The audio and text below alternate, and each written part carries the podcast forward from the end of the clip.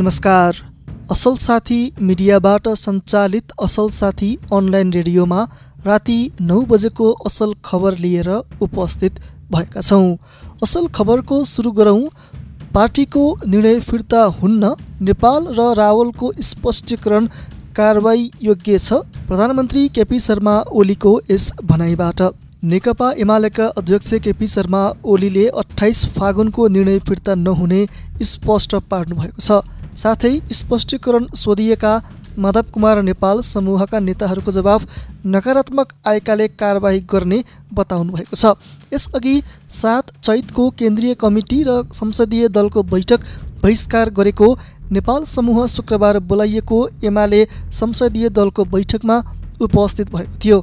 बैठकमा वरिष्ठ नेता झलनाथ खनाल घनश्याम भूषाल योगेश भट्टराई र गोकर्ण विष्टले पार्टीलाई एकताबद्ध बनाउन भूमिका खेल्न अध्यक्ष एवं दलका नेता ओलीलाई आग्रह गर्नुभयो।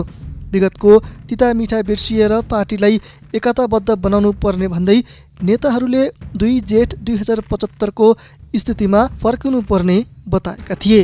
बैठकपछि सांसद भट्टराईले सञ्चारकर्मीहरूसँग भन्नुभयो सर्वोच्च अदालतको तेइस फागुनको फैसला अनुसार जसरी संसदीय दल पूर्ववत अवस्थामा फर्कियो पार्टी केन्द्रीय कमिटी र मातहतका कमिटीहरू दुई हजार पचहत्तर जेठ दुईको अवस्थामा फर्क्यौँ र नयाँ ढङ्गले पार्टीलाई एकताबद्ध बनाएर लैजाउँ भनेका छौँ। तर प्रधानमन्त्री समेत रहनुभएका एमाले अध्यक्ष ओलीले पार्टीका पछिल्ला निर्णय फिर्ता नहुने बताउनु भएको छ। प्रतिकूल मौसमका कारण झन्डै दुई घन्टा उडान प्रभावित भएको देशको एकमात्र त्रिभुवन अन्तर्राष्ट्रिय विमानस्थलमा केही मात्रामा उडान खुलेको छ। मौसम खराबीले आन्तरिक तथा अन्तर्राष्ट्रिय दुवै उडान प्रभावित भएकामा केही बेरदेखि उडान सञ्चालन भएको विमानस्थलले जनाएको छ। विमानस्थलका महाप्रबन्धक प्रताप बाबु तिवारीले विमानस्थलमा अहिले यान्त्रिक पद्धति अर्थात् आइएफआरबाट उडान सुरु भएको जानकारी दिनुभयो। बाक्लो धुवासहितको तुवालोले भिजिबिलिटी शून्य भएकाले उडान प्रभावित भयो। अहिले उडान गर्न चाहने वायुयानलाई आइएफआर उडान खुल्ला गरिएको छ उहाँले भन्नुभयो। यस्तै उपत्यकामा वायु प्रदूषण बढेसँगै स्वास्थ्य तथा जनसङ्ख्या मन्त्रालयले सतर्कता अपनाउन अपिल गरेको छ। शुक्रबार काठमाडौँ उपत्यकामा वायु प्रदूषणको स्तर खतरनाक अवस्थामा पुगेपछि स्वास्थ्य मन्त्रालयले घर बाहिर खुला ठाउँमा नबस्न नखेल्न र मर्निङ वाकमा जाने वा घर बाहिर गएर शारीरिक व्यायाम गर्ने गरिएको भने अहिलेलाई त्यो अवस्था रोक्न अपिल गरेको हो। मन्त्रालयले बालबालिका दीर्घरोगी ज्येष्ठ नागरिकको विशेष ख्याल गर्न पनि आग्रह गरेको छ। फोहोरको उचित व्यवस्थापन गरौँ तर फोहोर जलाउने काम नगरौँ। कसैले फोहोर जलाउने काम गर्ने गरेको छ भने त्यसलाई निरुत्साहित गरौँ र बन्द गर्न लगाऊ मन्त्रालयले विज्ञप्तिमा भनेको छ।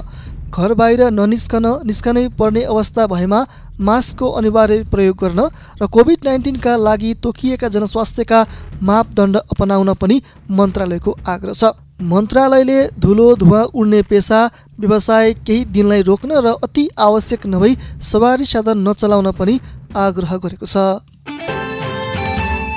सरकारले नेपाल भ्रमणमा आउने पर्यटकहरूको क्वारेन्टिन अवधि र कोरोना बिमाको बाध्यात्मक अवस्था हटाएको छ।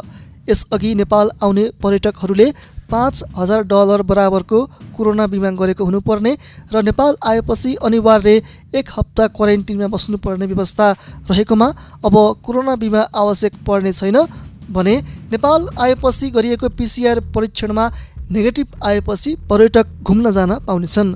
कोरोना बिमा र अनिवार्य क्वारेन्टिनका कारण यसपटकको वसन्त ऋतुमा पनि विदेशी पर्यटक आउन समस्या हुने व्यवसायीहरूको गुनासो थियो। अब पर्यटक नेपाल आइपुगेपछि उनीहरूकै खर्चमा पिसिआर परीक्षण गर्ने र नेगेटिभ आएमा तत्कालै घुम्न जान पाउने पर्यटन विभागकी निर्देशक मिरा आचार्यले बताउनुभयो। कोरोना पोजिटिभ देखिएमा भने नेगेटिभ नआउन्जेल होटेल क्वारेन्टिनमा बस्नुपर्नेछ पर्यटकका साथमा जाने नेपाली सदस्य तथा सहयोगीहरूले भने एक लाख रुपैयाँ बराबरको कोरोना बिमा गर्नुपर्ने मापदण्डमा उल्लेख छ। पछिल्लो चौबिस घन्टामा नेपालमा कोरोना सङ्क्रमणका कारण चारजनाको ज्यान गएको छ। यो सँगै नेपालमा कोरोना सङ्क्रमणबाट ज्यान गुमाउनेको सङ्ख्या तिन हजार चौबिस पुगेको स्वास्थ्य तथा जनसङ्ख्या मन्त्रालयले जनाएको छ। यस्तै पछिल्लो चौबिस घन्टामा चार हजार चार सय सोह्रजनाको पिसिआर परीक्षण गर्दा एक सय छप्पन्नजनामा कोरोना सङ्क्रमण पुष्टि भएको छ। यो सँगै कोरोना सङ्क्रमण पुष्टि हुनेको सङ्ख्या दुई लाख छिहत्तर हजार छ सय पैँसठी पुगेको छ। पछिल्लो चौबिस घन्टामा सत्तरीजना निको भएसँगै कोरोना सङ्क्रमण मुक्त हुनेको सङ्ख्या दुई लाख बहत्तर हजार तिन सय बयालिस पुगेको छ। अहिले नेपालमा एक हजार दुई सय उनान्सयजना कोरोनाका सक्रिय सङ्क्रमित रहेका छन्। विद्युत नियमन आयोगले अनलाइनबाट महसुल भुक्तानी गर्दा थप सेवा शुल्क लिने निर्णयबारे नेपाल विद्युत प्राधिकरणलाई स्पष्टीकरण सोधेको छ। आयोगले प्राधिकरणलाई पत्र लेख्दै पन्ध्र दिनभित्र अनलाइन भुक्तानीमा उपभोक्ताबाट थप शुल्क लिने गरी भएको निर्णयबारे स्पष्ट गर्न निर्देशन दिएको हो। विद्युत नियमन ऐनको व्यवस्था अनुसार प्राधिकरणले नियामक निकायको अनुमति बिना आफैले निर्णय गरेर उपभोक्तामाथि थप सेवा शुल्क लगाउन सक्दैन तर यो व्यवस्थाको विपरीत हुने गरी कार्यकारी निर्देशक हितेन्द्र देव साक्यको सिफारिसमा प्राधिकरणको सञ्चालक समितिले पाँच सय रुपियाँसम्मको बिजुलीको महसुल अनलाइनबाट भुक्तानी गर्दा शुल्क नलाग्ने तर पाँच सय एक रुपियाँभन्दा माथि पाँच लाखसम्मको बिल भुक्तानीमा प्रति कारोबार अधिकतम पाँच रुपियाँ सेवा शुल्क लिन सक्ने निर्णय गरेको छ। प्राधिकरणले यस्तो थप शुल्क सम्बन्धित भुक्तानी सेवा प्रदायकले नै लिने गरी व्यवस्था गरेको छ। तर विद्युत नियमन आयोगले अहिलेसम्म प्राधिकरणले विद्युत सेवा बापत उपभोक्तासँग थप शुल्क लिने गरी कुनै सहमति नदिएकाले यसबारे जानकारी मागिएको आयोगका प्रवक्ता रामप्रसाद धितालले बताउनुभयो। वृहत नागरिक आन्दोलनले नेपाली काङ्ग्रेस नेकपा माओवादी केन्द्र जनता समाजवादी पार्टी जसपा र एमाले नेपाल समूहका शीर्ष नेताहरूसँग सार्वजनिक अन्तर्क्रिया गर्ने भएको छ। शनिबार नेपाल प्रज्ञा प्रतिष्ठानको डबलीमा हुने उक्त अन्तर्क्रियामा सहभागी हुन नागरिक आन्दोलनले अपिल समेत गरेको छ। नेताहरू पुष्पकमल दाल प्रचण्ड माधव कुमार नेपाल महन्त ठाकुर मिनेन्द्र रिजालसँग प्राध्यापक कृष्ण खनाल र दोबान राईले सवाल जवाब गर्नेछन्। शुक्रबार एक विज्ञप्ति जारी गर्दै वृहत नागरिक आन्दोलनले देशको राजनीति अस्थिर बन्नु थप प्रतिगमनको सङ्केत ठहर गर्दै त्यसको कारण पत्ता लगाउने बताएको छ।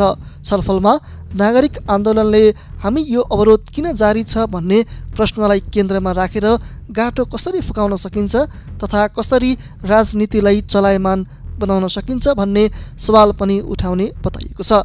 अन्तर्क्रिया दिनको दुई बजे तय गरिएको छ। सरकारले मल कारखाना स्थापना गर्ने प्रस्ताव मन्त्री परिषदबाट स्वीकृत गरेको छ। कृषि तथा पशुपन्छी विकास मन्त्री पद्मा कुमारी अर्यालले पेश गरेको उक्त प्रस्ताव बिहिबार बसेको मन्त्री परिषदको बैठकले स्वीकृत गरेको हो।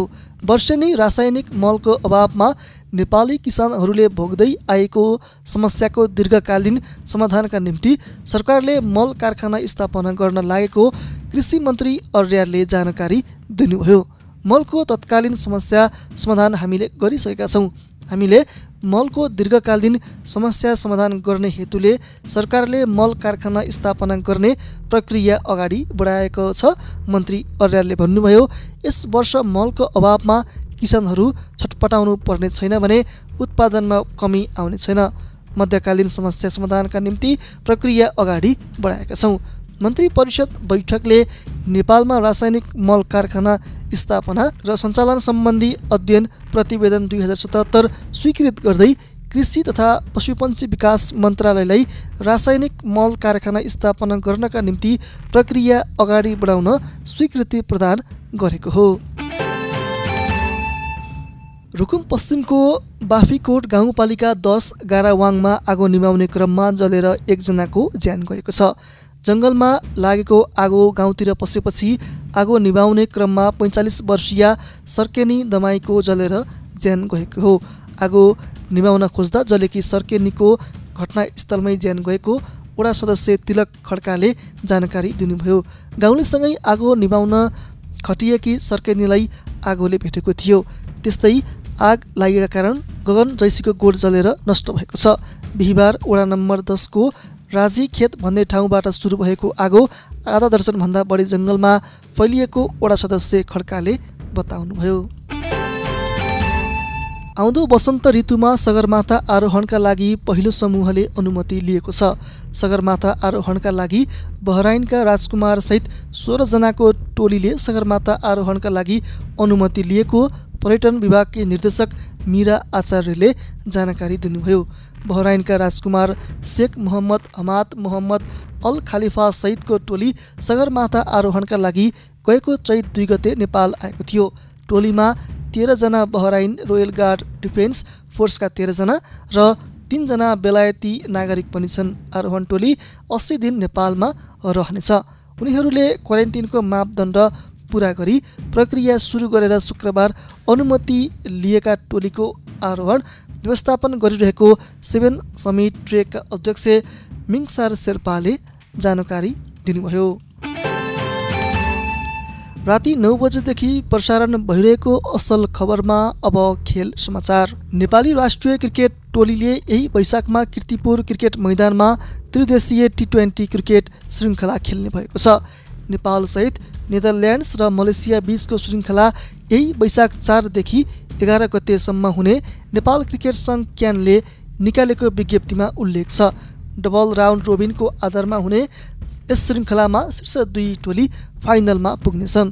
कोरोना भाइरस सङ्क्रमणको जोखिमलाई ध्यानमा राख्दै श्रृङ्खलामा सहभागी हुने खेलाडी र म्याच अफिसियललाई बायो बबलभित्र राखिने र पिसिआर परीक्षण गरिने विज्ञप्तिमा भनिएको छ।